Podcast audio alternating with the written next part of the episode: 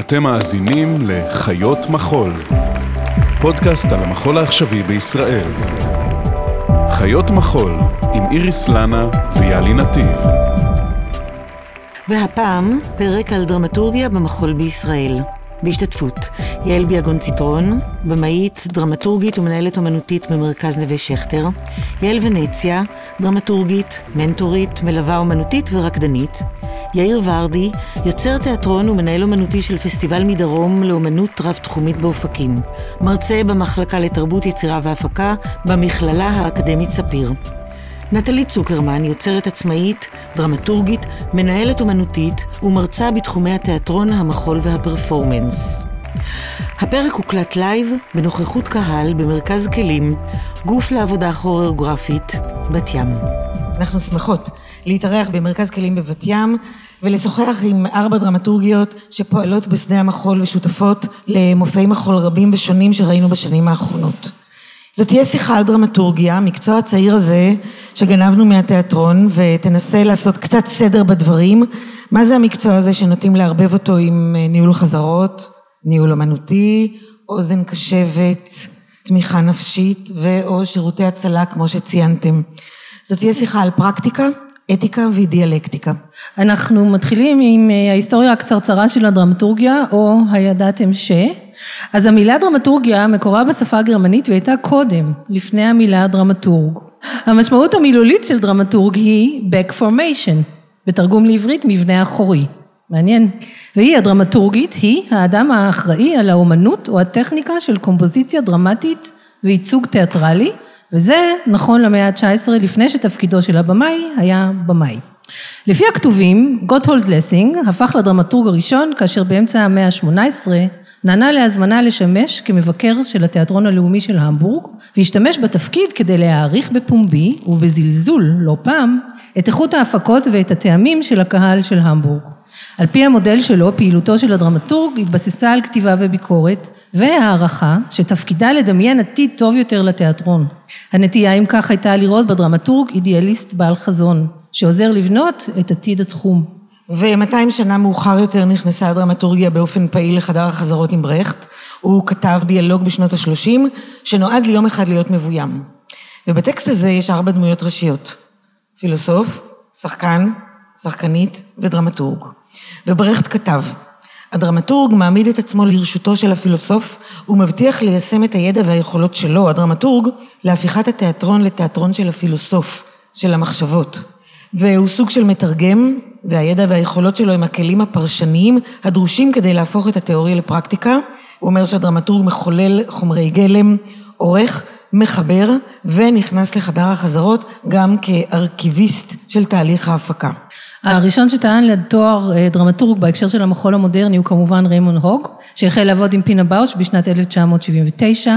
במעט שכתב על תפקידו בחדר החזרות, הוא אפיין את מעורבותו כשיתוף שמאפשר חיפוש אחר מבנה, שייבנה מהמרכיבים הפוטנציאליים שהופקו בתהליך העבודה של באוש עם הרקדנים. במובן זה הוא חלק עם באוש את האמונה שתמיד צריך לחפש צורה, צורה שלוקחת את האישי מעבר לפרטי. בעקבות הוג, הדרמטורג הפך להיות מקובל יותר בתחום המחול האירופי והפרפורמנס, ותפס תאוצה מתחילת שנות התשעים. על המפנה הזה אנדרה לפקי אוהב לספר על איך אומרים לו לראשונה, אתה דרמטורג, על סמך העבודה שעשה עם מג סטיוארט. דרמטורגית התיאטרון הפלמית מריאן ון קרחובן עבדה לראשונה עם אן תרזה דה קירסמאקר. היידי גיליפן, חוקרת ותיאורטיקנית אמריקאית, החלה לעבוד עם ויליאם פורסיית בבלט פרנקפורט ב-1989.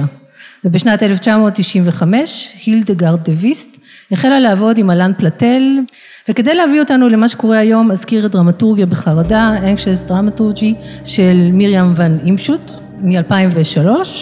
שם היא אומרת שדרמטורגיה הגיעה למצב בו היא חיונית מספיק כדי שתעבור דמוקרטיזציה, ולפיכך ככל שהעבודה יותר קולבורטיבית, כך התפקיד נעלם ונספג לתוך תהליכי העבודה עם האומנים, ואנחנו חושבות שזו נקודת פתיחה מצוינת להתחיל את השיחה שלנו.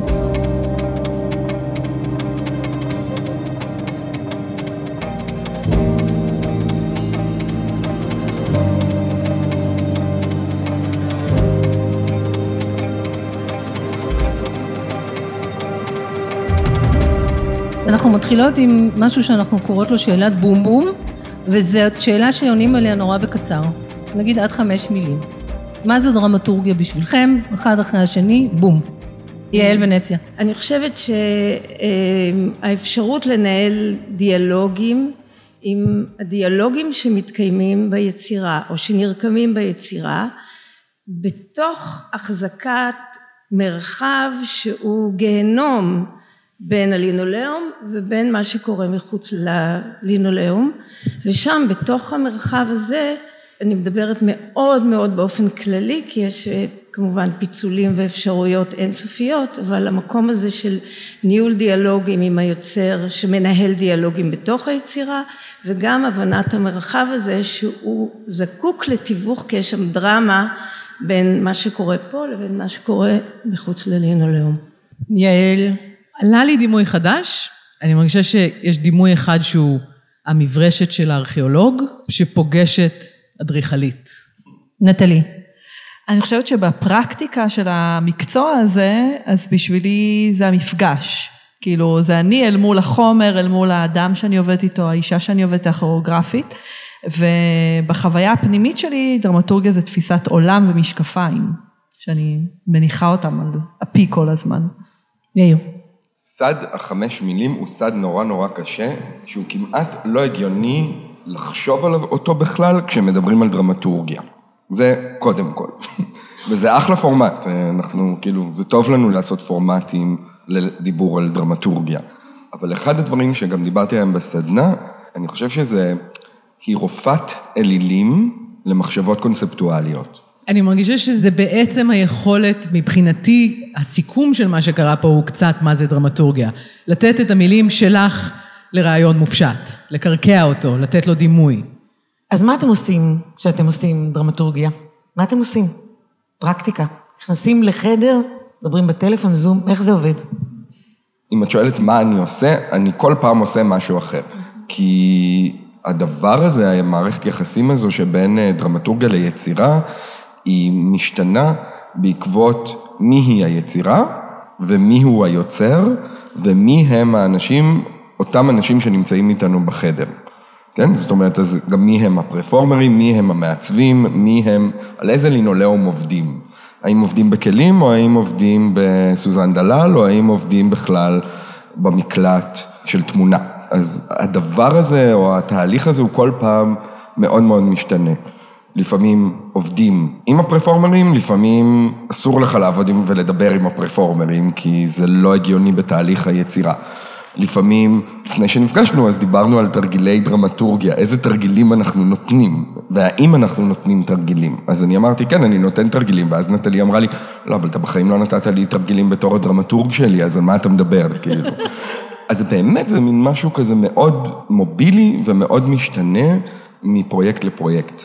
אני כן חושב שמה שכן ניתן להגדיר באופן כולל של מה אנחנו עושים, אני חושב ש, שזה הבום הזה שבאמת אמרנו פה. אני חושב שמנסים להבין איך רעיונות מופשטים נכנסים לדימוי ואפשר לעבוד איתם, איך מגיעים למקום הזה, מה מחפשים, מנסים לזהות מה זו העבודה הזאת, או מה זה הדיאלוג הזה, או מה זה הדבר הזה שקורה בסטודיו, מה הן המחשבות האלה, ואז איך המחשבות האלה מקבלות ביטוי ונהיות נהירות ובהירות. פגשתי את בויאנה צ'ווייץ' לפני המון המון שנים, היא הייתה דרמטורגית של תהליך שהצבתי לו תאורה. בויאנה צ'ווייץ' היא חוקרת ודרמטורגית, וגם אצלי בסדנה קראנו מאמר שלה שקוראים לו הדרמטורג האיגנורנטי, הבור.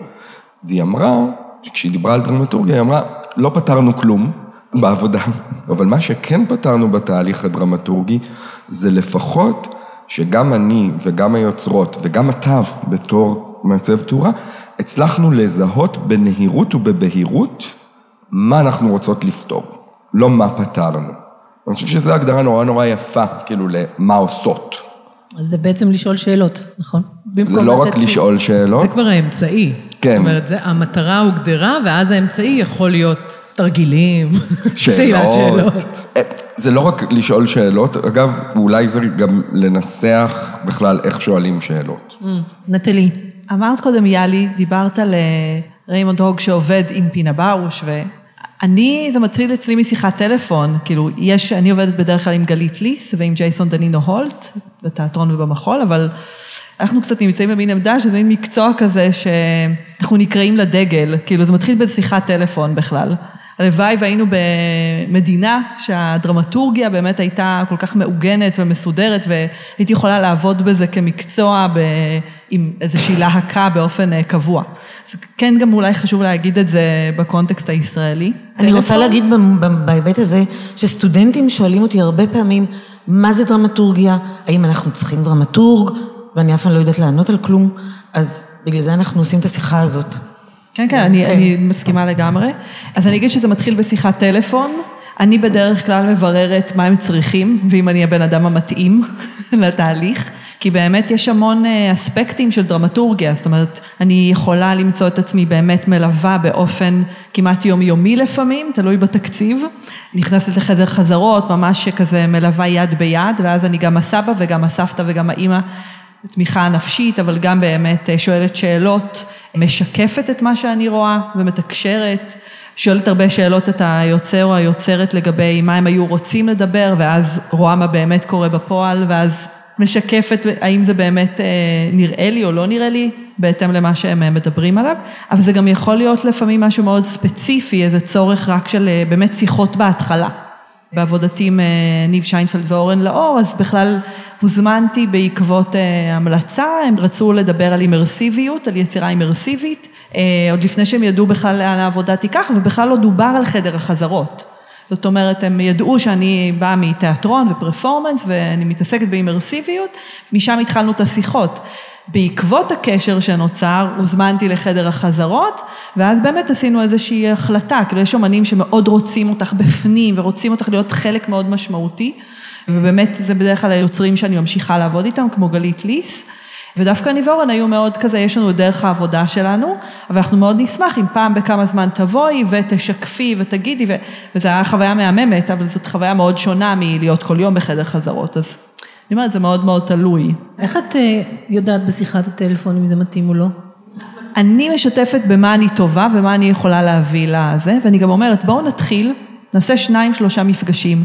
אם זה לא מתאים, אני לא אעלב. זה ממש בסדר להגיד, להיפרד כידידות, כאילו, זה ממש ה... אני חושבת שזה נורא מרגיע את האומניות ואת האומנים שאני עובדת איתם. עוד לא קרה אגב שנפרדנו, אבל uh, בדרך כלל הם אה, מקבלים המלצות, כי אנחנו באמת, אנחנו גם דומים, אבל אנחנו גם מאוד מאוד שונים, כל אחד מהנוכחים והנוכחות פה. אני אתחיל מלהגיד שזה נורא כיף, כי בדרך כלל כל אחת מאיתנו צריכה להסביר מה זה דרמטורגיה לבד, ואני חושבת שעכשיו ממש שמעתי פרק א' במה הייתי עונה, פרק ב' במה הייתי עונה, ויש בזה משהו נורא נעים, ואפרופו חלק מדרמטורגיה בעיניי מפיג בדידות. של ש... כן, נכון, בדיוק מה שאמרת, בדיוק מה שאמרת, זה המון ממה שהייתי עונה, אז תודה על זה. נותר לי רק להוסיף אספקט שאני לא יודעת אם הייתי מגיעה אליו אפילו, אם הייתי מתחילה מלענות, וזה שאני מרגישה שהמון פעמים המשימה הראשונה, וזה מעניין למקצוע שרובנו מגיעים אליו קודם כל כאומנים. מעטות ילדות בנות השמונה שאומרות שהחלום ברבי שלהם הוא להיות דרמטורגית. אז אני אומרת זה דווקא ביחס לאגו היוצר, שהתפקיד של דרמטורגית הוא קודם כל להקשיב. אין לך מה להגיד לפני ששמעת. וזו פוזיציה נורא מעניינת להתחיל ליצור ממנה. קודם כל צריכה לשמוע ולראות המון. ואז, אם נכנסים לתהליך, את מתחילה משהו שהוא המורכבות שלו היא גם הכוח שלו בעיניי, שהוא בין, כאילו אפשר לקרוא לזה רפלקציה, במובן המשתקף, זאת אומרת, אני אומרת מה אני רואה ומה אני מבינה מזה, ומה ההקשרים שקיימים בזה, ואיזה סיפור זה מספר, ואני יכולה להעמיד פנים שזה צינור אה, נקי כזה, אבל גם חלק מהכיף בזה זה שהוא לא.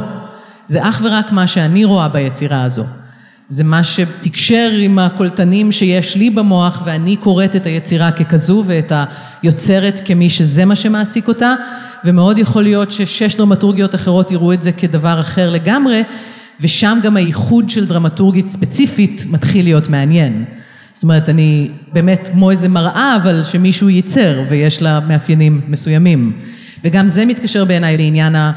עם מי עובדים ועם מי לא עובדים, כי יש פה גם אספקט של התאמה, אני לא שואפת להיות קנבס ריק או אך ורק רפלקטור, ואני גם לא מחפשת דרך לביים בעצם. זאת אומרת, זה בדיוק התפר המרטט הזה, שבין, כן, אני בן אדם עם טעם ועם עמדות ודעות, אבל אני בשירות דבר שקודם כל מבקש להתגלות בפניי, ואז אנחנו נשחק איזה פינג פונג כזה של מה אני רואה בזה, ואז מה זה שאני רואה בזה את זה גורם לו להיות, ואיך הוא מתחיל להתעצב ולהשתנות, וללוות את התהליך הזה.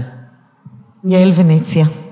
גם אצלי זה מתחיל משיחת טלפון, לפעמים אפילו מייל, ומשם, אם כמובן אה, אנחנו רוצים לעבוד ביחד, מתחיל אה, משהו נורא פרגמטי והוא לוזים. וכבר בשלב הזה מתחיל איזה שיתוף פעולה ומערכת יחסים מעניינת, שיש לה כבר איזה, היא כבר אינדיקטיבית לגבי מה שהולך לקרות. ואז באמת אה, כשאני נכנסת לסטודיו, זה גם מאוד תלוי באיזה שלב אני מוזמנת ליצירה. אה, הרבה פעמים אני מוזמנת ממש בהתחלה, ואז ההתנהגות היא שונה לגמרי. זה עוד דובר עדין מאוד, וצריך ממש לברור את המילים בקפידה, אם בכלל, גם אם אני מתבקשת לדבר. אני הרבה פעמים, אם אני מצליחה, ואני מודה לאלוהים אם אני מצליחה, דווקא לא לדבר ולתת לזה רגע להיות. יש יצירות שאני מוזמנת אליהן בשלב שכבר יש קצת חומר.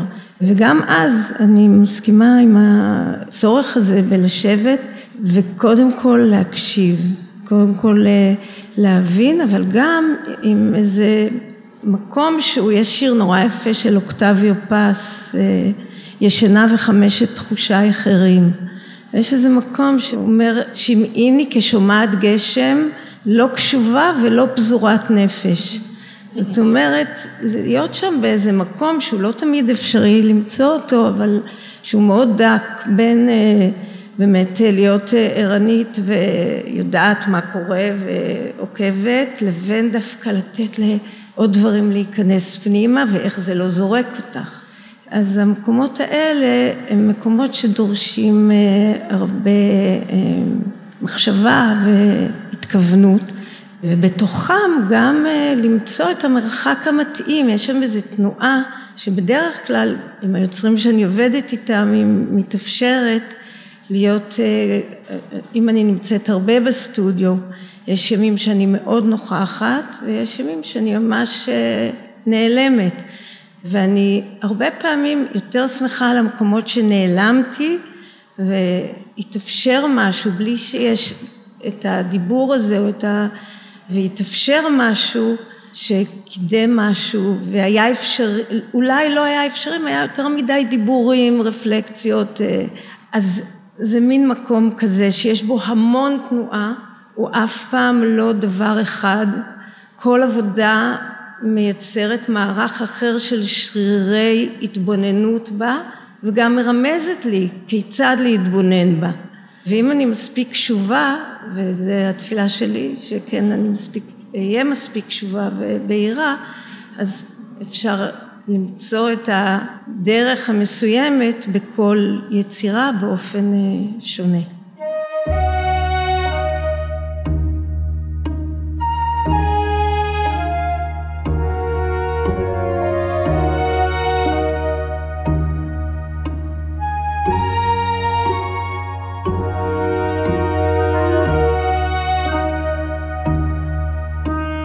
אתם כותבים? יש יומני הדרמטורגים? לי יש ממש מחברת. זאת אומרת, אה, אני אה, תמיד מסתובבת עם מחברת, פחות בפגישות הראשונות, אבל בטח כשאני נכנסת לחדר חזרות, אז כל דבר שאני צופה, כל דבר שיש לי בראש, זה הגיע למצב שהיום גם בהצגות או במופעי מחול אני יושבת עם מחברת ו... רושמת, כי אחרת המוח שלי צף בדברים, אז זה ממש כאילו פרקטיקה שאני מתרגלת אותה. Mm. אני יכולה להגיד שהיום גם שאני צופה, ב, אני מלמדת הוראה בסמינר קיבוצים, אותו דבר, אני צופה בשיעור, אני כותבת בדיוק כמו כשאני צופה במופע ונותנת שיקוף אחרי זה. זאת אומרת, לא סתם אמרתי, הדרמטורגיה זה משקפיים, כי ההתבוננות הזאת והשיקוף, זה גם יכול להיות במערכות יחסים עם חברים, על סיטואציות. זאת אומרת, זה ממש איזשהו כלי שאני מתרגלת אותו גם לעצמי, ויעל אמרה מילה בעיניי סופר משמעותית, קודם דיברת על הקשבה. זאת אומרת, זה ממש... אה, אני יכולה לחזור הביתה ולא לדבר עם אף אחד בבית אחרי אה, חזרות כאלה. כי רמת ההקשבה והריכוז והלהיות באמת בשביל מישהו אחר, לשחק בבית, הדבר האחרון שבא לי להיות זה רק בשביל עצמי. כאילו זה באמת אמ, פעולה אקטיבית, אפילו פוליטית, יש לציין בעולמנו, והיא נורא נורא חשובה. אני רוצה להוסיף משהו שעלה בעקבות מה שאת אמרת, שהוא אחת התובנות הכי מעניינות שהיו לי על תפקיד הדרמטורגית והיחסים עם היוצרים. זו דוגמה שנתתי פעם, שבגלל שהגעתי מבימוי בעצם, אז הציפייה שלי מתפקיד של דרמטורגית זה כאילו, את פה איתי באש ובמים מהבוקר עד הערב, כי זה הכי נוח. ואז פעם, כבר כמה שנים מתוך חיי כדרמטורגית של מחול, נסעתי עם אחד היוצרים שאני עובדת איתם לרזידנסי בחו"ל. וכאילו, אמרתי לעצמי, טוב, משלמים לי כרטיס טיסה, מלינים אותי, נותנים לי פר דיאם ללחמנייה, כאילו, obviously אני צריכה להיות פה כל יום, כל היום. ואחרי בערך חמישה ימים הרגשתי שאני לא רואה כלום. כאילו, אני איתו בחימום ובחזרה לזה עשר עד שש, כי אנחנו חיים שם, מה עוד יש לנו לעשות? והוא לא מפסיק לעבוד על היצירה גם בערב וגם בהפסקת צהריים וזה וזה וזה. וקלטתי שהיכולות והחושים הכל פשוט נסתם. וכאילו פחדתי להגיד לו, אחי, אנחנו צריכים קצת אוויר. כי בארץ לא הייתי מעלה על דעתי כמעט אף פעם לבוא לכל החזרות של מישהו, כי מה אתה צריך אותי שם? צריך אוויר ביחסים בינינו. ושם ממש היה רגע שהייתי צריכה להתבגר ולהגיד לו, אני מבינה שכל הרעיון של רזידנסי הוא מקסום זמן, אבל חלק מהמקסום זמן הזה זה שאתם נפגשים בבוקר ואני מצטרפת, לא שיש לי מה לעשות, כן? אבל אני מצטרפת ב-12. כי אם אני איתך בחדר כשאתה בונה חומרים, אני במאית, יש לי מה להגיד. אבל למה שאני אהיה שם להגיד את זה? למה שתשאל אותי איך זה לפני שזה עשוי? תראה לי בשתיים מה עשית היום, ואז אפשר לדבר על זה. והרגשתי שזה ממש היה כמו איזה טקס התבגרות שלי, של להבין שזה לא עניין של נחמדות או חייבות או שום דבר, זה עניין של לשמור על המערכת היחסים הזאת דינמית ואפקטיבית באופן שהיא צריכה להיות, ולא להתאהב לא בריחוק גדול מדי ולא בקרבה צמודה מדי. אני נורא רוצה להכניס לדיון את המילה מהלך. קדימה. אתן מדברות, ממש, אתן מדברות, וכל מה שאני חושב עליו זה כאילו המילה מהלך. כי אני חושב שכאילו יש משהו, קודם כל, אה, בהקדמה הנורא נורא יפה שעשית, מישהו שם אמר אה, על מהלך, דיבר על מהלך, או דיבר על, על מהלך העניינים, וכולנו מדברות כאן על מהלך העניינים. בין אם אנחנו מדברות על אה, מהלך העניינים עם האומן או האומנית או הפרויקט, אבל גם הדרמטורגיה בעצם עסוקה במהלך הפנימי של כל דבר. במהלך רעיוני, במהלך תנועתי, במהלך חומרי, במהלך, כן, מהלכים, מהלכים, מהלכים, מהלכים. אתמול עשיתי תאורה, וכשאתה עושה תאורה, אחד הדברים שאני אוהב לפחות נורא נורא לשחק בהם, זה התזמון של הקיואים. זאת אומרת, לא מתי הקיואים מגיעים, אלא בכמה זמן הקיואים מגיעים. זאת אומרת, איך תמונת אור משתנה לתמונת אור אחרת, שמשתנה לתמונת אור אחרת, ובכמה זמן זה, איך היא מכתיבה את המהלך ואיך היא מכתיבה את הקצב של העבודה. והמון המון שנים, עוד לפני שבכלל הייתי דרמטורג, אני התחלתי להיות מעצב תאורה בגיל 18, ומשם התחלתי, כאילו, נורא, כל הזמן שיחקתי עם הזמנים. הזמנים זה היה משהו שנורא עניין אותי, ו... ואז הבנתי עם השנים שאני בעצם ברור, אני מגיע לתאורה ואני עושה תאורה כמו דרמטורג, אני מנסה לפתור מהלכים בתוך העבודה, וגם בתור טורן זה נורא נחמד, כי אף פעם לא מזמינים אותך בהתחלה. אתה לא יושב בהתחלה בסטודיו, אם מזמינים אותך בסוף, אתה מגיע כמו איזה... כזה אציל כזה, יוצר שיכול לזהות את כל הבעיות בעבודה, ובא לפתור אותן. כאילו זה הקטע של מעצבי תאורה. אמ, בניגוד לכל דבר אחר, באמת התפקיד שלנו כדרמטורגיות זה להתבונן ולקלוט מה הדבר. עכשיו, אנחנו לא קנבס, כן? אנחנו לא קנבס ריק, אנחנו מתבוננות לראות מה הדבר מתוך הפוזיציה שלנו בעולם, ואז אנחנו יכולות להציע, זה שתי שניות, זה שבע שניות, זה עשרים שניות, או יכול להיות שזה בכלל ארבע דקות. ואני חושב שיש משהו במהלכים ובלפענח מהלכים, או למצוא את המיכלים של המהלכים האלה שיצירות עובדות בהם, הוא נורא נורא חשוב לתפקיד שלנו, ואגב, זה הופך, נטלי מדברת על אה, תפיסה כיאוגרפית של התבוננות במציאות, אז הכל זה מהלך, אסטרטגיה היא מהלך דרמטורגי. כאילו, אה, כשאנחנו בוחנות את המציאות ומה קורה עכשיו, זה מהלכים דרמטורגיים. אגב, לכן אני מאוד לא אופטימי. ואני היום ממש הבנתי את זה. אני לא אופטימי לגבי המציאות בטח שלא של ישראל, בטח שלא עכשיו, כיוון שאני רואה את המהלכים הדרמטורגיים שקורים. אני קורא אותם גם במהלכים הדרמטורגיים המאוד מאוד קצרים, כן? מהלך דרמטורגי של יצירה אחת, כן? או של סצנה אחת, ואני קורא אותם וגם בתור מהלך דרמטורגי של יוצר שלם. זאת אומרת, אנחנו הרי גם לא... כשנטלי עובדת עם ג'ייסון על חמש יצירות, היא קוראת מהלך דרמטורגי של ג'ייסון מתוך חמש יצירות. כשאני מלווה את נטלי כבר עשר שנים, אני קורא את המהלכים של נטלי בתוך עשר שנים. המהלכים דרמטורגיים הם גם רגעיים וגם מהירים והם גם נורא נורא ארוכים, כך גם אסטרטגיות של חברה. כך גם מהלכים דרמטורגיים של רעיונות חברתיים, של הכשרה של כל מיני רעיונות. אז הדרמטורגיה היא גם פה, היא, היא מהלך שניתן לזהות אותו ולשאול עליו שאלות ולבהר אותו, והיא לפעמים מאוד קשוחה גם. אני רק אגיד באנגלית, אתה מדבר על process מצד אחד, ואתה מדבר גם על structure מצד שני.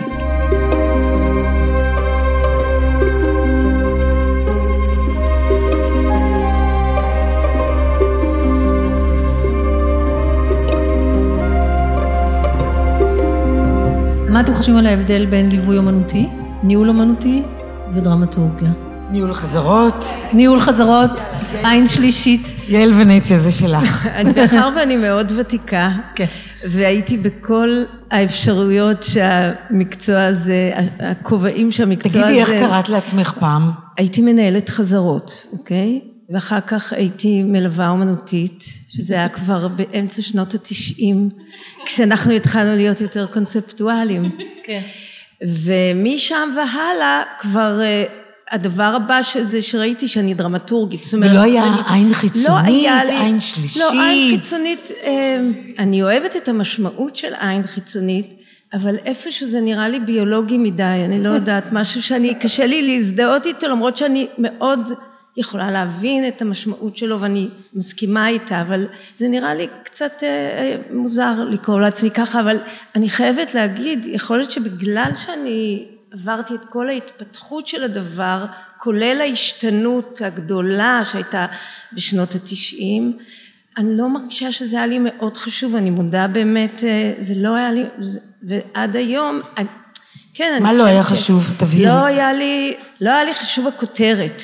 היה לי חשוב התוכן, זה נשמע מתייפייף ותסלחו לי לא להקיא, אבל התוכן הוא תוכן שיש בו משהו שמדויק לעבודה, זה נכון שהיום זה יהיה לא מדויק לקרוא לי מנהלת חזרות אם אני מתעסקת במשהו אחר, אוקיי? כי יש כבר את ההפרדה הזאת, אבל אני חושבת שכמה שנים אחורה זה באמת לא היה דבר שהעסיק אותי.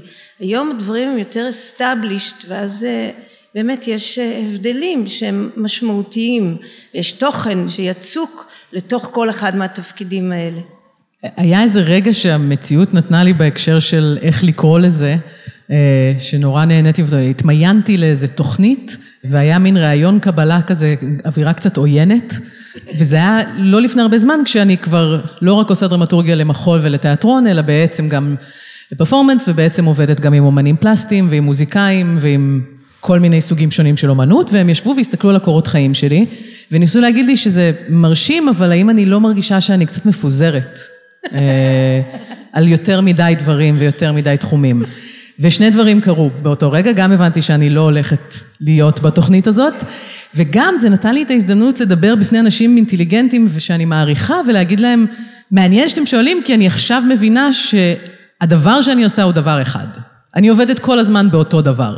אני, לא משנה באיזה מקצוע, תחום, טייטל, מה שזה לא יהיה, הריבוי הזה הוא בעצם האמצעי שלי לדייק עד כאב את הפעולה האחת שאני עושה, שהיא בהירות או הבנה של מהלך או משהו כזה, אבל זה ההפך מפיזור, זה מיקוד רב אה. Mm. אז זהו נותן לי להגיד היום לענות על השאלה שלי אם זה ליווי או ניהול, זה, זה כזה מכסת שעות, כאילו זה לא, אין איזה הבדל מהותי. אני מלווה, זה אומר שאני פחות בחזרות. אני דרמטורגית, זה אומר שאני בשוחות, אבל כאילו מין, הפעולה היא כל הזמן אותה פעולה, אפילו לא רק בין פרויקטים, אלא בין תחומים ובין יוצרים ו- וכולי. אני רוצה רגע להמשיך את מה שיעל אומרת, אני כאילו מסכימה ולא מסכימה. אני חושבת שזה כן משמעותי השעות. מבחינת הפעולה, יעל צודקת. אני כן חושבת שיש הבדל, כשאני באמת מלווה צמוד את היוצר או את היוצרת, אז, אז אני בהחלט מתעקשת על הדרמטורגית, או על דרמטורגיה. אם אני באה פעם בכמה זמן, אני משתמשת באותם כלים, אבל אני באמת מייעצת. זאת אומרת, אני, כאילו, זה באמת איזה מערכת יחסים שונה. ניהול אומנותי מבחינתי, אני משתמשת בכלים הדרמטורגיים, בבנייה של המהלך, בהתבוננות, בהסתכלות, אבל יש לזה השלכות אחרות, ויש לך אחריות אה, והרבה היבטים אחרים שמתווספים. לגבי ניהול חזרות אני לא יכולה להעיד, כי אני לא, לא עוסקת בזה. זה מעניין ששלושתכם, יעל ביגון, אה, נטלי ויאיר, אתם שלושתכם גם מנהלים אומנותיים. אני מגיל 19 מרגיש את השאלה הזו ואת העיניים נועצות. תגיד, אתה לא מתפזר? מה קורה? למה אתה בכל מקום ובכל מקום? אגב, גם... כשאני כותב את הביו שלי זה תמיד כזה מעצב תאורה, זה, וגם עוצר, וגם מרצה, וגם, ו, וכאילו עם השנים מתווספים עוד כל מיני דברים שאני עושה, ובעצם אני עושה דבר אחד. גם כשאני יוצר בין תחומי, כשאני יוצר עבודות של עצמי, שכל פעם הם באיזה מדיום אחר, אני כל פעם אבל אני עושה משהו, פעולה אחת. יש לי המון כלים לעשות אותה, או, או המון מרחבים שבה היא פועלת. ניהול אומנותי ודרמטורגיה, למרות שבטח בארץ, שזה גם תופעה ישראלית מאוד, זה מאוד דומה.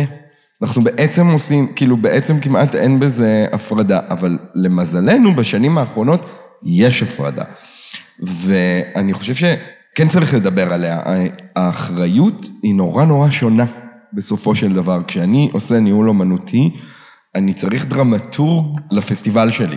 כן? כאילו, זאת אומרת, למרות שאני משתמש באמצעים הדרמטורגיים שלי, ואני יודע, וזה המקצוע שלי, ואני חושב דרמטורגית, כשאני בונה מהלך של פסטיבל, אני בעצם גם בונה את המהלך, אני גם יוצר אותו, אני גם צריך שמישהו רגע יסתכל עליו ויגיד לי, תקשיב, אז פה זה לא בהיר כל כך, או אולי צריך לחשוב על זה ככה. וכמובן שאני גם עושה דרמטורגיה לעבודות שאני מלווה, כיוון שזה חלק מהדבר, אבל א', אני תמיד שמח שיש דרמטורג לעבודה, שזה התפקיד שלו, ואני יכול לבוא בתור מנהל אומנותי ולחשוב דרמטורגית על בכלל המהלך שהם בונים ביחד, ולהיות עוד איזה עין חיצונית. כשאני בא לעבוד עם יוצר, האחריות זו האחריות של היוצר על היצירה שלו. אני בא בתור נותן שירות, בתור שותף, בתור חבר, לא בתור מטפל, אני לא מטפל כשאני עושה דרמטורגיה. אני מטפל ברעיונות, אני לא מטפל באנשים, כמובן שעושים יחסים, אבל כאילו, וזה חשוב להגיד רגע, ואני חושב שאסור לנו להתבלבל פה, אבל זה כזה, פתחתי סוגריים, אבל האחריות על היצירה היא של היוצר. כשאני מנהל אומנותי, עדיין האחריות על היצירות הן של היוצרים, אבל יש לי עוד אחריות. אני אחראי על הפסטיבל, אני אחראי על הקהל, אני אחראי על מה שקורה שם, וזו מערכת יחסים מאוד מאוד אחרת, וגם פה אני פותח תמרור אזהרה לכולם בתוך הדבר הזה. מנהלים אומנותיים לא יכולים להיות הדרמטורגים של היצירות שלהם, יש פה מערך שלכם, יש פה איזשהו מערך יחסים שונה ואינטרסים שונים. Mm. וצריך להגיד את זה, וכאילו כן בא לי לפתוח את זה ולהגיד, זה מקצוע אחר. זה מקצוע אחר והוא צריך גם להישאר אחר. שוב, אני מתאר פה איזה מערך כוחות, אין מערך כוחות, הכל בסדר, אבל כאילו כן צריך נשים לב לזה.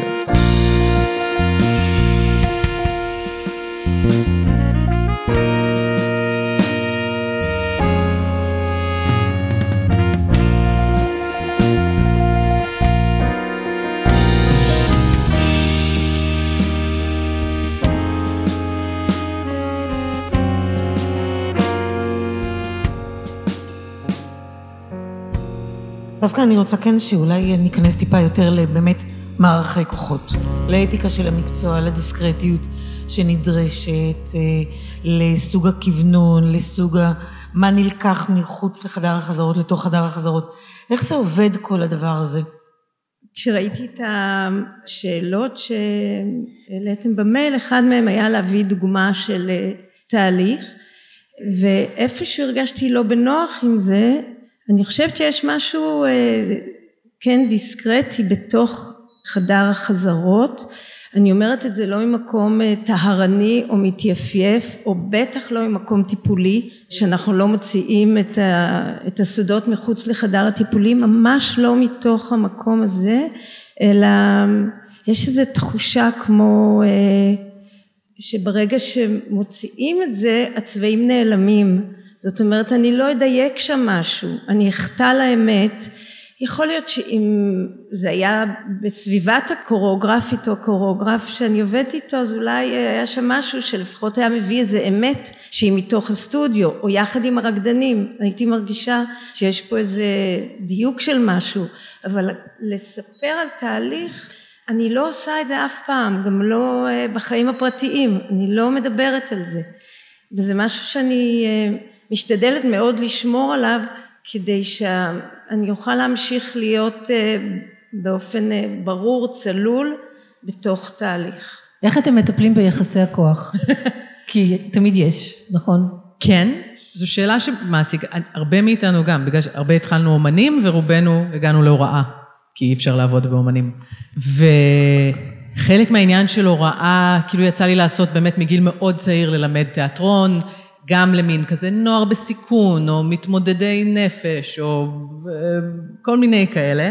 ושם, בגלל שאומנות וטיפול נורא אוהבים כזה להתמזמז, אבל הם בעצם לא בזוגיות, וכאילו מין זה נורא גבולי, היה המון מקום לבלבול, ובמיוחד שעבדתי עם קבוצות כזה, שפיזית הייתה מטפלת בחדר, שהיא לא אני, זה הכריח אותי כל הזמן להבין מה גבול המגבלה של הדבר הזה, כמה אומנות, ובאמת, כמו שנאמר קודם, אני מטפלת באומנות, לא בבני אדם. אני יודעת לעזור להם לדבר על אומנות ממקום בריא, לעשות אומנות שהיא, יש בה איזה מהלך יפה ומחזק וכולי, אני לא יכולה לפתור את הבעיות שלהם.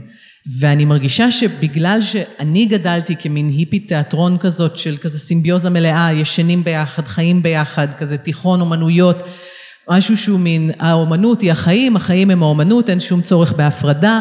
תמיד בתור הבימאית, שזה גם יותר נוח, כי אני יכולה לצפות מכולם לחלוק את ההתרגשות שלי, וזה גם יצר אצלי המון אי נעימויות לאורך החיים, שאני נורא ציפיתי מאנשים שהדבר יהיה חשוב להם כמו שהוא חשוב לי, והופתעתי מאוד לגלות שלפעמים הם רוצים ללכת הביתה בסוף החזרה. והלימודים מאוד עזרו לי להבין את הצורך בגבולות וגם ההתבגרות, ואני חייבת להגיד שבשנים האחרונות אני מרגישה ש... גרף ההתפתחות של הכישרון שלי הגיע לשיאו באיזשהו מובן, לפני זמן מה, וכל מה שאני משתפרת בו מאז זה יחסי אנוש. זאת אומרת, זה מה שהופך אותי לאשת מקצוע טובה יותר בעשור האחרון. את החושים שלי, את האינטואיציות שלי, בסדר. באתי, שכללתי, עשיתי. היום זה רק איך לייצר מרחב שאני מרגישה שהוא הוגן, אתי, שמור, מוגן, אני מוגנת בו, היוצרת או היוצר שאני עובדת איתם, הצוות, המשתתפות, רקדנים, רקדניות, פרפורמרים, ולא במובן הממשטר של זה, אלא במובן של גם, כמו להבין שאני לא יכולה להיות בבוקר בחזרה, אני מגיעה אחרי הצהריים. או להבין שאם פעם היה נורא חשוב לי באמת להיות שבע שעות בחזרה, להבין שהיחידת זמן הכי יעילה שלי היא שעה וחצי. ושזה אולי לא נעים לקחת שכר של חזרה שלמה על שעה וחצי, אבל זה הדבר הכי יעיל שיש לי להציע. כי אחרי שעה וחצי אני מרגישה שאני מתחילה לחזור על עצמי. או שאומן מתקשר אליי ב-12 וחצי בלילה כי עלה לו רעיון, אני לא עונה, כי אני לא החברה הכי טובה שלו. אני נותנת שירות, והשעות קבלה שלי הן אה, שעות משרד. זה גם היה דבר שהייתי באיזה פסטיבל, עבדתי שם, ואיכשהו יצא שהפגישות צוות היו בין תשע וחצי בערב לאחת בלילה, במקום עם אלכוהול. ואמרתי כאילו, למה? אנחנו לא חברים, אני מחבבת אתכם, אבל אנחנו... זה, אני בשעות המשרד באה לעבוד. אפשר לדבר איתי בשמונה בערב אם יש איזה מצב חירום, אבל... וזה הכל דברים שכאילו השנים לימדו אותי לייצר מצב, כי אנשים שופכים בפנינו את החרדות שלהם, הפחדים שלהם, התקוות שלהם, ונוצר מצב שכאילו יכולה להיווצר אשליה שאנחנו in this together. ואנחנו in this together אומנותית, בשעות הקבלה. וזה דבר שהרבה פעמים מייצר אי נעימות ביני לבין אומנים. באיזשהו שלב בדרך. הדבר הזה של, אני באה לעשות מה שבעיניי טוב ליצירה, ואנחנו אולי אפילו לא נסכים לפעמים מה טוב ליצירה, וזאת תהיה שיחה טובה לנהל. אני רוצה להגיד שני דברים על יחסי כוחות. אחד, אני לא יודעת הכי טוב. זאת אומרת, הרבה פעמים אני יכולה להגיע לחזרה ולראות משהו, ואני ממש כזה, אני מרגישה שאני יודעת מה חסר פה. אבל כזה מין ידיעה ברורה. ואז אני אדבר עם האומן, האומנית, ואני רואה שזה לא... It doesn't resonate with them. ואז אני מזכירה לעצמי, אבל אני גם אומרת את זה, זה, עוד פעם זה, ואני גם אומרת את זה כמובן לתלמידים וסטודנטים וזה, ואני אומרת, זאת היצירה שלכם, אתם יודעים הכי טוב. זה שאני עוד לא הצלחתי לראות את מה שקורה אצלכם בראש, התפקיד שלי זה להגיע אליכם, לא ההפך. אני משקפת שאנחנו עוד לא שמה. והמבט הזה שלא לחשוב שאת יודעת הכי טוב, בואו, לחיים בכלל זה דבר מדהים, אבל בטח בתהליך כזה, ופתאום אומנים מפתיעים אותי, אומניות מפתיעות אותי, וזה, מה זה חוויה כיפית, אז זה דבר אחד, כאילו אפרופו יחסי כוחות. והדבר השני, אני, כשהתחלתי לעבוד כדרמטורגית, וזה ממש משהו שיעל קודם אמרה, ובעיניי צריך ממש להתייחס אליו, הייתי מבלה המון שעות בחדר החזרות, ומצאתי את עצמי לאורך השנים הרבה פעמים בתפקיד כמעט הבימאית, הכירוגרפית, ו... ואז לא משנה, זה נעצר מכל מיני סיבות כאלה ואחרות, והיום אני מאוד, היום אני יודעת, זה אבל באמת עם הזמן, הרעיונות שלי והעולמות שלי הם ליצירה שלי, בגלל שאני יוצרת, כן, זה גם יש פה הבדל אם אתה יוצר או לא יוצר, אני חושבת. הם ליצירה שלי, זה לא רלוונטי ליצירה שלך.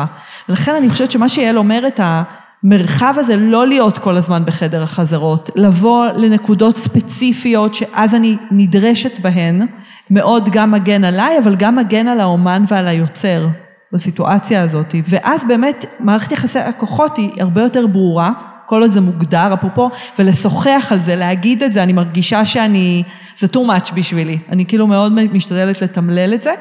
ואני יכולה להגיד שגם, אה, אני יכולה לתת אולי דוגמה מחדר חזרות דווקא מלפני כמה שנים, בלי, בלי שמות, אני בזה מסכימה שצריך לדעת מתי אתה יכול לשתף ומתי לא. עבדתי עם איזושהי כירוגרפית ועם הרקדנים, והיא מאוד רצתה שאני אקח חלק פעיל גם בשיחה מול הרקדנים עצמם. וזה לפעמים אה, עובד, כן? לפעמים זה מתאים, תלוי מה מערכת היחסים. והיה מאוד ברור שיש אחד הרקדנים, הוא מאוד מחבב אותי ביום יום, אבל כל אמירה שלי הייתה, ראית את ההתנגדות. באותו רגע היה ברור, זה לא אישי. שאני משחררת, אני מעבירה את המושכות לכירוגרפית. אני מאוד משתדלת להיות במקומות שנעים לי, שאני מרגישה בטוחה, שאני מרגישה שמי שאני עובדת מולו בטוח. ואני חושבת שככל שמדברים על זה, וככל שזה חלק מהשיח, אז אה, חייבים לפרק את המתיחויות האלה, כן? אז כל הזמן חייבים להיות במודעות למערכי כוחות הללו. אני רוצה להוסיף משהו אחד שמבחינתי היה מהפכני. וזה, דיברנו על זה בזמנו, על איפה נכנסים בתהליך, ויש את שלב הכזה שירותי גרר וחילוץ. שזה בדרך כלל הפקה קצת חולה, קצת מורכבת, יש איזה לפעמים איבה בין הפרפורמרים ליוצרת כבר, כאילו מין, יש את אווירה של תאונה, ואת מגיעה כזה עם כל הכלים וזה, והייתה איזו הפקה שהגעתי אליה בשלב הזה, מין שבועיים, שלושה לפני פרימיירה, ואני זוכרת שישבתי והם כזה ישבו על הרצפה והם הסתכלו עליי בפרצוף של גורו בסאצאנג, כאילו מין כן, רק תגיד שהיא טועה ושאני צודקת ושזה לא טוב, כאילו מין זה. ופתאום היה שם רגע שמאוד הדהד לי אתיקה חזק, כי אמרתי, אני בפוזיציה מאוד מאוד גבולית. כאילו, אני נישאת על גלי המושיעה, ויש איזו תחושה שמה שאני לא אגיד עכשיו, יהיה כאילו תרופה ומזור וגאוני וחדש, רק כי אני חדשה.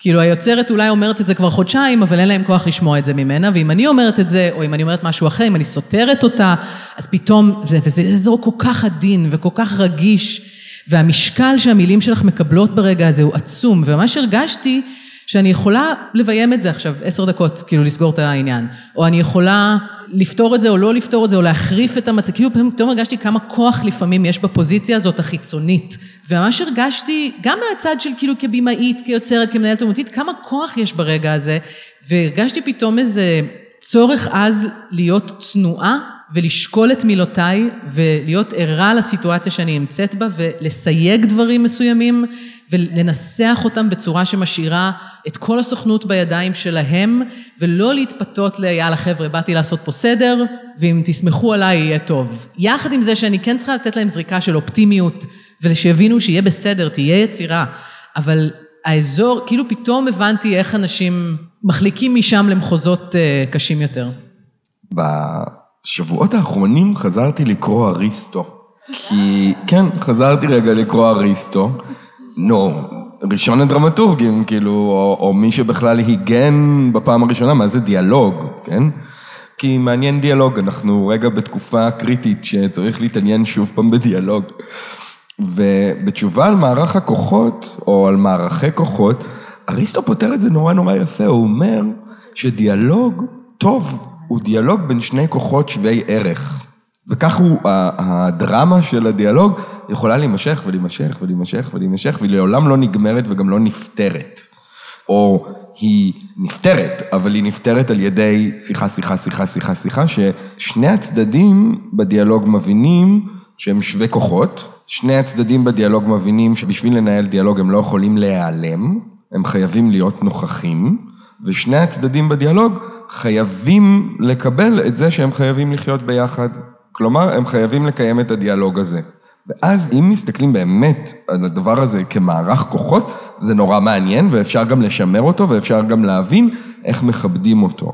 אגב, זה גם מערך כוחות, אתה יודע, בין יוצר לדרמטורגית, בין יוצרת לפרפורמרים שלה, ובין מנהלים אומנותיים לאומנים. זאת אומרת, אני זוכר שבאיזה אחד מהרעיונות שראיינו אותי וגם ניסו להבין מערכת כוחות בין מנהל אומנותי וזה וזה וזה, אמרתי, זה נורא נכבד להיות כאילו מנהל אומנותי, אבל, ולייצר פלטפורמות, ואני מודע לזה שיש לי כוח בפלטפורמות שאני מייצר, ומי יופיע ומי לא יופיע, ומצד שני אמרתי, כן, אבל אם אף אומן לא ירצה, או אומנית ירצו להופיע בפסטיבל שלי, אני אשאר כזה עם קירות לבנים, שאין בהם אה, יצירות. אז זאת אומרת, מערכי כוחות, בטח כאילו בתהליכי יצירה, צריך נורא נורא לזכור, אנחנו שווי ערך, אנחנו רוצים להיות שווי ערך, זאת אומרת, אנחנו רוצים להיות כאילו עם אנשים שיש להם כוח עלינו, ולנו יש עליהם בקטע טוב.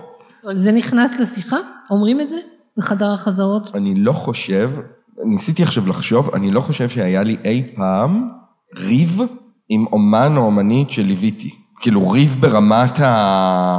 אנחנו לא שווה ערך, אתה משתיק אותי, אתה משתיק, את משתיקה אותי, אני לא חושב שהגעתי לדבר כזה. כן, פעם אחת, אחרי כמה מפגשים, הבנו שאני לא הבן אדם המתאים לתפקיד, ואז החליפו אותי ביעל ונציה, וזה היה נהדר, נורא שמחתי על זה. נורא נורא שמחתי על זה, כי היה שם איזה זיהוי נורא נכון. אגב, אחרי תהליך של המון שנים שעבדנו ביחד. וזה בסדר, כאילו, אבל לא היה ריב, לא הגעתי לריב. זה קרה הפוך, שהייתי צריכה להגיד למישהי שעבדתי איתה שאני צריכה אותה יותר, פחות חומר בידיי. לה, אני צריכה שתדעי את היצירה יותר טוב ממני. אני צריכה שתביני על מה היא יותר טוב ממני. כאילו, אני לא יכולה לבוא ולהסביר לך על מה היצירה שלך, במיוחד שזה עבודה אחת על אחת. אמרתי, את צריכה לפתח איזה יציבות ואיזה חוסן שאת עובדת בלעדיי, את חושבת בלעדיי, ואני לא מסבירה לך על מה העבודה שלך. אני חושבת שזו נקודה נורא משמעותית, קצת שכחתי ממנה, אבל אני חושבת שזה לא קורה לי הרבה, אבל הרבה, יש סיטואציות שבהן אני מצטרפת באמת לאיזשהו תהליך, ואני מרגישה שבאמת האומנית, האומן כל כך אבודים ולא יודעים, ואז אני פתאום נדרשת לא ללוות ולעזור, אלא לפתור, להגיד ולעשות. ואני חושבת ששם גם נוצר איזה מין, אה, עוד פעם, המערך כוחות הזה של רגע איך... אה, אני אומרת לו, זה התפקיד שלך, זה מאוד קשה, זה אני חושבת הדבר שלי הכי קשה לומר, כי כאילו אני חושפת את זה שהיוצרת במצוקה בצורה שהיא לא יודעת איך באמת להתקדם או להמשיך, ולפעמים אני יכולה לעשות טלפון נגיד ליאיר ולהגיד, וואי, אני, אני לא יודעת איך לעזור, כי זה לא לשקף או לדבר על תהליכים, זה ממש אה, מסתכלים עליי, תגידי לי מה לעשות, תפתרי לי את הבעיה. וגם זה, זה לא קורה הרבה, אבל כשזה קורה, זה אה, דיאלוג שאנחנו צריכות נורא לעמוד מולו. יעלי, יעל וניציה, את רוצה להוסיף על זה? אני לא חושבת שיש לי איזה שהם עקרונות מובילים, חוץ מהעובדה שאני רוצה שיהיו יחסים בריאים, ככל שאני יכולה להבין מה הם יחסים בריאים. מעבר לזה, יש מקום לתנועה בפנים, וכן, לפעמים זה לא סטרילי, וזה גם יכול להיות גמיש ואלסטי ולחזור למקומות יותר שפויים. ולהוסיף, אין שום סיבה לעשות אומנות בעולם, באמת, אם לא מנהלים יחסים בריאים, הרי אין בזה כסף, אין בזה מעמד, אין בזה באמת כלום. חוץ מכאילו, שיהיה לנו נעים, בריא, מעניין, שווה ערך אה, וטוב. הרבה פעמים שוכחים את זה, אבל באמת, אחרת בשביל מה לעשות את זה? אה, כי גם אם עושים דברים ברע זה יוצר רע, תמיד. אני חושבת שזה בלתי אפשרי לעשות את זה ברע. אי אפשר, זה לא, זאת אומרת, אני יכולה להגיד שכל מי שאני עובדת איתו, אני עובדת איתו בטוב, עד טוב מאוד, עד מצוין. כי זה לא יכול לקרות אם זה יהיה פחות מזה.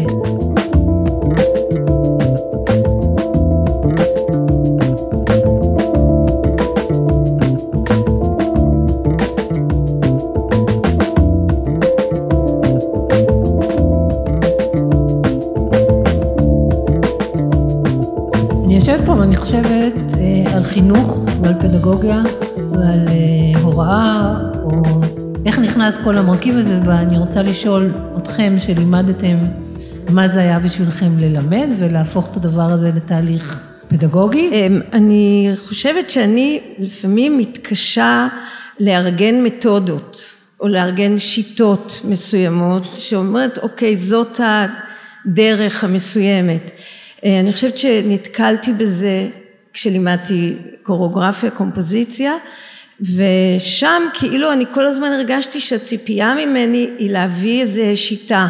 ואמרתי טוב כל המורים האחרים בסטודיו אם יש להם את השיטה שלהם רק אני הולכת ומתפזרת לי בעולם ונפגשת עם אנשים שעות בסטודיו כדי לפענח איתם כי אחרת אני לא מצליחה להבין איך אה, באמת אה, ללמד את הדבר. ואני חושבת שיש משהו בגלל שכל יצירה היא כל כך שונה בעצם מה שאני רוצה ללמד כשאני מלמדת קומפוזיציה זה את האפשרות שלך לפענח ולהבין את האזור שבו אתה אה, נמצא וגם דרמטורגים. אני חושבת שהדבר המשמעותי בלימוד הוא גם הפרקטיס של הדבר. אם בתוך זה כמובן אה, רפרנסים ויש הרבה דברים שאפשר להגיד על זה אבל כשאני עושה מנטורינג במסלול על עבודות אני מחייבת אותם גם את הרקדנים האחרים להיכנס לסטודיו להסתכל על עבודות של חברים שלהם ולדבר ולהתחיל ללמוד לנסח מחשבות או להתחיל להבין מה זה לשבת ולהתבונן בצד הזה של הלינולאום על עבודה שקורית אה, פה ויש שם כמובן כמו שאמרתי בהתחלה איזה דרמה שבחיים לא תיפגש והניסיון לתווך הוא כישלון ידוע מראש אבל אנחנו שם. אז איך היה בשבילכם ללמד? אני במובנים מסוימים מרגישה שאני חווה את רוב העשייה שלי להוראה. זה יחסים אמביוולנטיים כאילו כי חצי רוצים חצי חייבים לעשות את זה בהרבה מהמקרים ואני גם מקפידה לא ללמד תקופות מסוימות ולחזור ללמד בתקופות אחרות אבל בעצם ההוראה והבימוי קרו אצלי בערך באותן שנים, ואני מרגישה שבזכות ההוראה אני יודעת איך להיות דרמטורגית. זאת אומרת, ידעתי בערך איך להיות בימאית, כי מותר להיות איזה במאי שאתה רוצה להיות, כל עוד אנשים עושים מה שאת רוצה, זה... אבל כדי להיות דרמטורגית את צריכה לוודא שאת מובנת, ושאת מצליחה לתקשר, ואת פוגשת בן אדם איפה שאפשר לפגוש אותו וכולי, וההוראה אצלי נורא סידרה את זה במובן של... זה לא מה בא לי, מה מעניין אותי, איך כיף לי לעשות את כל הדברים, וכאילו, שאנשים ישתפו עם זה פעולה, אלא יש לי אחריות. ואני גם תחת ביקורת. תלמידים יכולים להגיד, לא הבנו, ואני צריכה למצוא דרך חדשה, או זה היה מעליב מה שאמרת, או זה היה מדהים מה שאמרת, וכאילו הפידבק הזה של הוראה שהוא לא יחסים שוויוניים, אבל להפך, אני כמעט בשירות שלהם לחלוטין, ניסח את אוצר המילים שלי, את האופן שבו אני חושבת, והמון מזה אני מזהה שכשאני צריכה השראה בדרמטורגיה או ביצירה, ההוראה מאפשרת לי את זה. כי בעצם מה שאני עושה היום בהוראה, זה לנסח דרמטורגיה. ולהמציא אופנים שבהם מסתכלים על זה, ולהמציא תרגילים, וללמד אנשים גם, רוב מה שאני עושה היום זה ללמד אנשים איך להתבונן, ואיך להקשיב ואיך לתת פידבק. כי זה הדבר הכי חשוב ליוצר בעיניי, יותר מכישרון או אמביציה. תביני מה את רואה, ואז נמשיך הלאה. תפרקי את זה לגורמים, תביני מה מעשה היצירה. וזה דבר שמבחינתי אני חווה להוראה, כי בבימוי או בדרמטורגיה זה היה אינטואיטיבי, אבל זה לא קיבל מילים. ומשימת המורה מבחינתי היא להמשיג ולתת, כאילו, ולתקשר את זה לאנשים ולתת להם את הדבר הזה, את המתנה הזאת, להתלהב ממשהו ביחד. אז מבחינתי הקשר הוא, אין זהות בין השניים, אבל זה המקור מים שממנו אני מנתבת לדרמטורגיה ולבימוי. החוויה הדרמטורגית, או החוויה של מבנים, ההתבוננות על מבנה למשל, זה משהו שהוא, אני חושבת שיותר מתבונ... מלמדים כן התבוננות וביקורת, אבל מי שלא לומד כתיבה נגיד, איך אוספים מבנים, זה כמעט ולא נוגעים בזה. ובזה אני מרגישה שפה אני מאוד מתחברת ליעל, דווקא בהוראה הפורט מתחיל לצאת החוצה. והתחלתי קודם להגיד את זה, אבל כשאני מלמדת הוראה, ואני מלמדת אה, איך ללמד תיאטרון בתיכון, וזה לא משנה אם זה מחול או תיאטרון או זה, אני מבקשת לכתוב את מערכי השיעור כמו מונולוג, כמו מחזה, ולתמלל כל מילה שהמורה הולך לומר. סטודנטים שונאים אותי שנאת מוות בהתחלה, או מוקירים אותי בסוף, רובם אני מקווה, אבל באמת, רק אז, אני אומרת להם, כשאני קוראת את מערך השיעור בצורה הזאת, אני מבינה את מהלך המחשבה שלכם. והם, מה שקורה להם, זה שהם פתאום צריכים להידרש, האם מה שאני אומר הוא מובן, זאת אומרת, אפרופו הרצון שלי עכשיו לכתוב את הדברים כדי שיהיה להם סדר והיגיון, אצלנו זה כבר בא באופן כמעט טבעי, אבל כשאתה מתחיל, זה משהו שהוא מאוד מאוד קשה לעשות אותו. וכשעשיתי את עכו האחרון בתור יוצרת, אה, ג'ייסון אה, דנינואות ליווה אותי, ואז אמרתי לו, לקראת הסוף הייתי בבלגן, הייתי בפנים, היינו בחוץ, מה זה, בלגן אטומי. ואמרתי לו, אבל אני דרמטורגית, אני עשיתי לעצמי את הדרמטורגית, איך אני... אז הוא אומר לי, את לא דרמטורגית כשאת יוצרת, כאילו, את צריכה את העין החיצון, כאילו אין, לא משנה כמה שאת חשבת שאת יכולה להיות, את לא. מה שכן היה לי, ובזכות זה היה קל לג'ייסון לבוא ולעזור, זה, זה המקומות האלה שיש לי כבר התבוננות ויכולת להתבונן על מהלכים. מה ההיגיון של מהלך, איך אני בונה אותו. ואני מרגישה ששמה בתי הספר וההכשרות, גם במחול וגם בתיאטרון, בטח ביצירה מקורית של תיאטרון, לא נותנים את הכלים. והלוואי וייתנו. יש שני דברים שמלווים אותי בשנים האחרונות בהוראה, ושאני נורא מקפיד עליהם, לא משנה איפה אני מלמד. אחד, אני דורש מהתלמידים, מהסטודנטים להגיד, לאסוף מה מעניין אותם ומה לא מעניין אותם מהדברים שנלמדים. ממש מכריח אותם לזהות את זה. כפרקטיקה כל שיעור, כל שיעור. מה מעניין אותך ומה לא מעניין אותך. כיוון שאני חושב שזה הדבר הכי בסיסי בלזהות מהלכים אצלך. כאילו, ברגע שיש לי רשימה של חמש דברים שמעניינים אותי וחמישה דברים שלא מעניינים אותי, אני כבר יכול אה, למצוא מכנים משותפים. ואז להבין מי אני, מה מעניין אותי באמת, כאילו, מי אני, איך אני עובד, כן? איך אני מתחיל לעבוד. והדבר השני זה שאני אה, מבקש אה, לנהל יומן למידה. אני מבקש בתוך הדבר הזה לנהל מה למדתי, מה אני לומד, איך אני מובל ממקום למקום. זאת אומרת, אני מבקש לשרטט את המהלך הדרמטורגי של הלמידה, ומלמד את זה, ומלמד איך עושים את זה. אתה ציינת את הלימודים שלך באנגליה, ומעניין אותי אם אתם יכולים למקם את עצמכם ביחס לאנשים, ממי למדתם, מי היו המנטורים שלכם, ממי אתם לומדים, בין אם זה בספרים או מישהו שנתקלתם בו, או מישהו שעבדתם איתו, איפה פיתחתם את מה שאתם מנסחים פה היום, מה שאתם עושים? מכיתה ז' אני מבין שכל מה שאני יודע הוא מכל האנשים שפגשתי. והייתה לי מורה למתמטיקה. שמהמורה למתמטיקה הזו, שהיא שברה לי את הלב כי היא הורידה אותי מחמש יחידות לשלוש, אחד הדברים שאני אני פשוט זוכר שהיא הייתה עומדת במרפסת של החטיבת ביניים בבאר טוביה, מעשנת סיגריה, עד שכל האפר שלה מחזיק בסיגריה. זה מה שאני זוכר ממנה, באמת. אני זוכר שהיא כאילו מין לימדה אותי בשיעורים שלה לחשוב לוגית. היא לימדה אותי את זה. אני יודע על דרמטורגיה הרבה מאוד דברים מהמורה שלי לאנגלית, שלימדה אותי איך אני לומד אנגלית בכיתה ד', ואיך למדתי, איך התחלתי להיות מנהל אומנותי, ישבתי ליד נאוה צוקרמן. זה מה שעשיתי. למדתי בסמינר קיבוצים ועשיתי תואר ראשון ועשיתי תואר שני ו- וחזרתי ו- ועבדתי עם המון אומנים ו- וליוו אותי דרמטורגים וגופי הידע שלנו הם כל המסגרות שבהם היינו וכל האנשים שאותם פגשנו. האהבה שלי לגיאומטריה ולמבניות, וגם כנראה משהו במבנה האישיות שלי שמחפש אה, היגיון ולפצח דברים. אני חושבת שהוא שמה מימים ימימה. אני חושבת שקרו שני דברים. אחד, המפגש שלי עם מלאני ברסון, ועשיתי את הסטאז' שלי אה, אצל אה, הלהקה של ענבל פינטו ואבשלום פולק אז, ביחד, ומלאני הייתה מנהלת החזרות, ואני בשקיקה התבוננתי בה, באמת, אני, אני חייבת לה הרבה, אני, הנה הזדמנות גם לתת את הקרדיט, ואני חושבת שמבחינת עולם המחול זה פתח לי ככה את ה, איזשהו צוהר ויכולת, אבל בסופו של דבר, דווקא בגלל שהשתמשתי בזה כיוצרת, אני חושבת שהתחלתי להיות דרמטורגית כשהבנתי מה אני עושה כיוצרת. ואז קרו כל מיני דברים, קרה הגוף האחר, היצירה שלי, שהיא פרפורמנס אוטוביוגרפי, ואז... דנה רוטנברג ראתה את זה ולקחה אותי ל-48 שעות והכרתי את רותם תש"ח ורננה והתחלתי משם. וגלית ליס ראתה את הגוף האחר ואמרה, אה, את זה אני רוצה, את האיכות הזאתי, אני אזמין אותה לחדר חזרות שלי.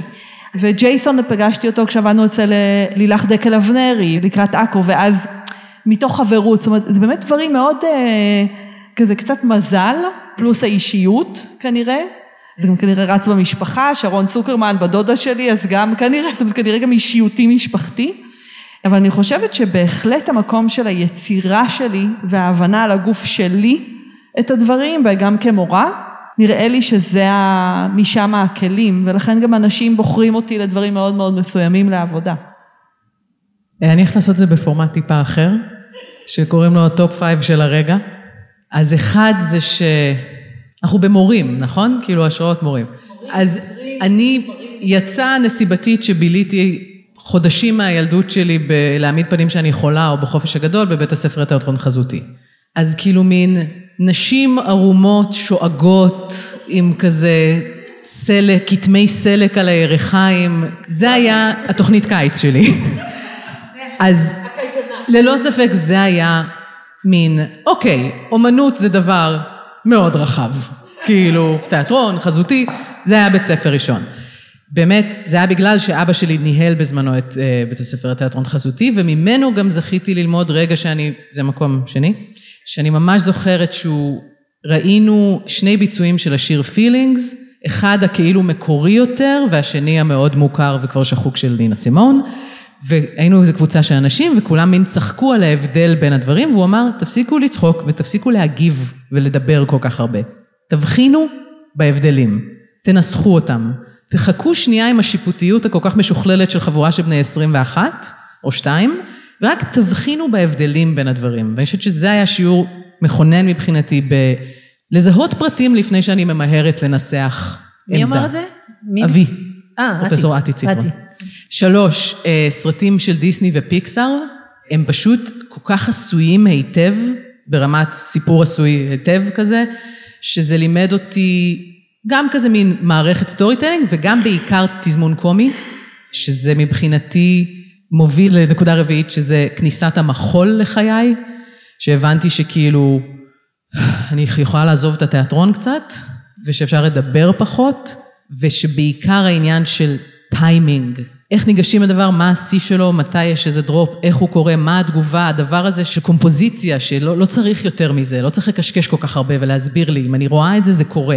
אז זה הקומדיה של סרטים מצוירים שהיא הרבה פעמים עילית ומאוד פיזית ומאוד מוזיקלית, גרמה לי להבין שבעצם מחול יכול להכיל את התשוקות והרעיונות והמאוויים שלי הרבה יותר טוב הרבה פעמים מתיאטרון.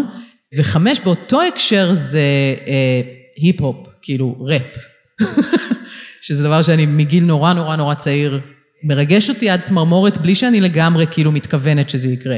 אבל זה גם, זה כאילו קשור בעיניי למהלך עשוי היטב. כאילו הרגע שבו יש beat נכון, שעליו יושב מה שנקרא ה flow, והם כזה, הם נפגשים באיזה רגע שהוא, אממ, שהוא קומפוזיציה טהורה של צורה ומשמעות וקצב, טיימינג.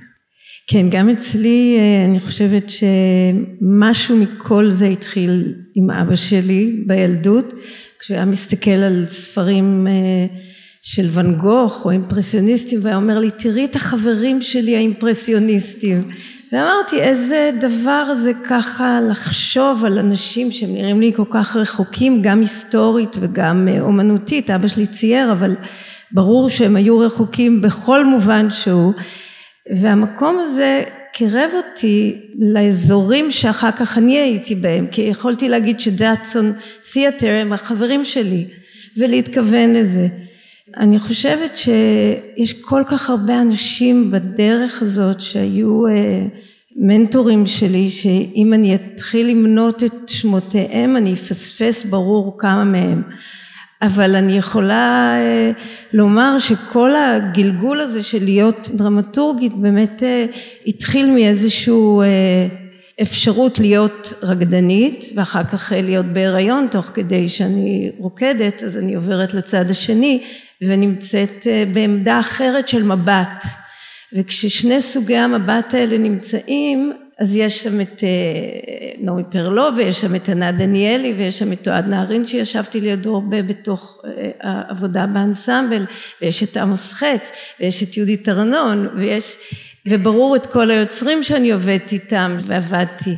אז הרשימה היא באמת מאוד ארוכה ואני לא אומרת את זה באופן טרחני מכל מלמדיי השכלתי אני חושבת שבאמת יש פה משהו בתהליך הזה, בעצם ההוויה הזאת אה, של היותנו דרמטורגים, שהיא כל הזמן אה, לימוד משותף וחי עם הבן אדם שאיתו, עם קוריאוגרפית או קוריאוגרף שאיתו את עובדת, אבל גם עם איזושהי היסטוריה שמתקיימת בתוכך בו זמנית.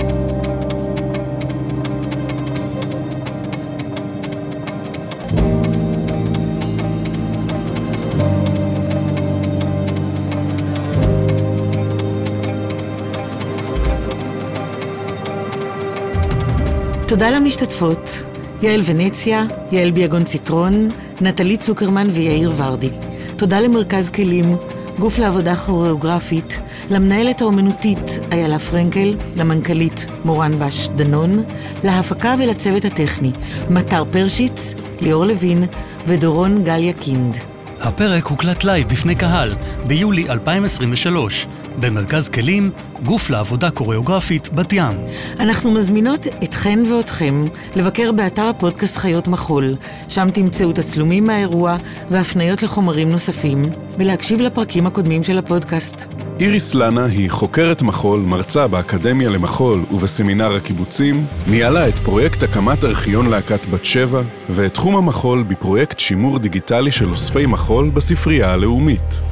יאלי נתיב היא מורה וחוקרת מחול בהקשרים סוציולוגיים ואנתרופולוגיים. היא מרצה בכירה במכללה האקדמית לחברה ואומנויות, ASA, כותבת על חינוך לאומנויות, סוציולוגיה של הגוף, התנועה והמופע, ועל מחול והחברה הישראלית. מחקרה העכשווי עוסק ברקדנים מקצועיים מזדקנים. יאלי היא יושבת ראש עמותת הכוריאוגרפים. תודות לסאונדמן של חיות מחול, אודי גליניק מסלון בן דוסה, לדוקטור עידית סוסליק על תצלומי הסטילס, לעורך זוהר זלץ מאולפני אשל, ולמתן אשכנזי מאולפן אוזן מוזיקלית על הקלטות נוספות. סטרימינג, עומר סנש, הפקה, איריס לנה ויאלי נתיב. הפקת הפודקאסט נערכה בשותפות עם המחלקה לדיפלומטיה תרבותית במשרד החוץ. הפודקאסט הוא חלק מפלטפורמת השיח "טייץ, מחול ומחשבה". תודות לעידו פדר, לעמותת הקוריאוגרפים ולמשרד התרבות והספורט. קטעי המוזיקה המושמעים בפרק הם מתוך Free Music Archive, פרטים וקרדיטים באתר חיות מחול.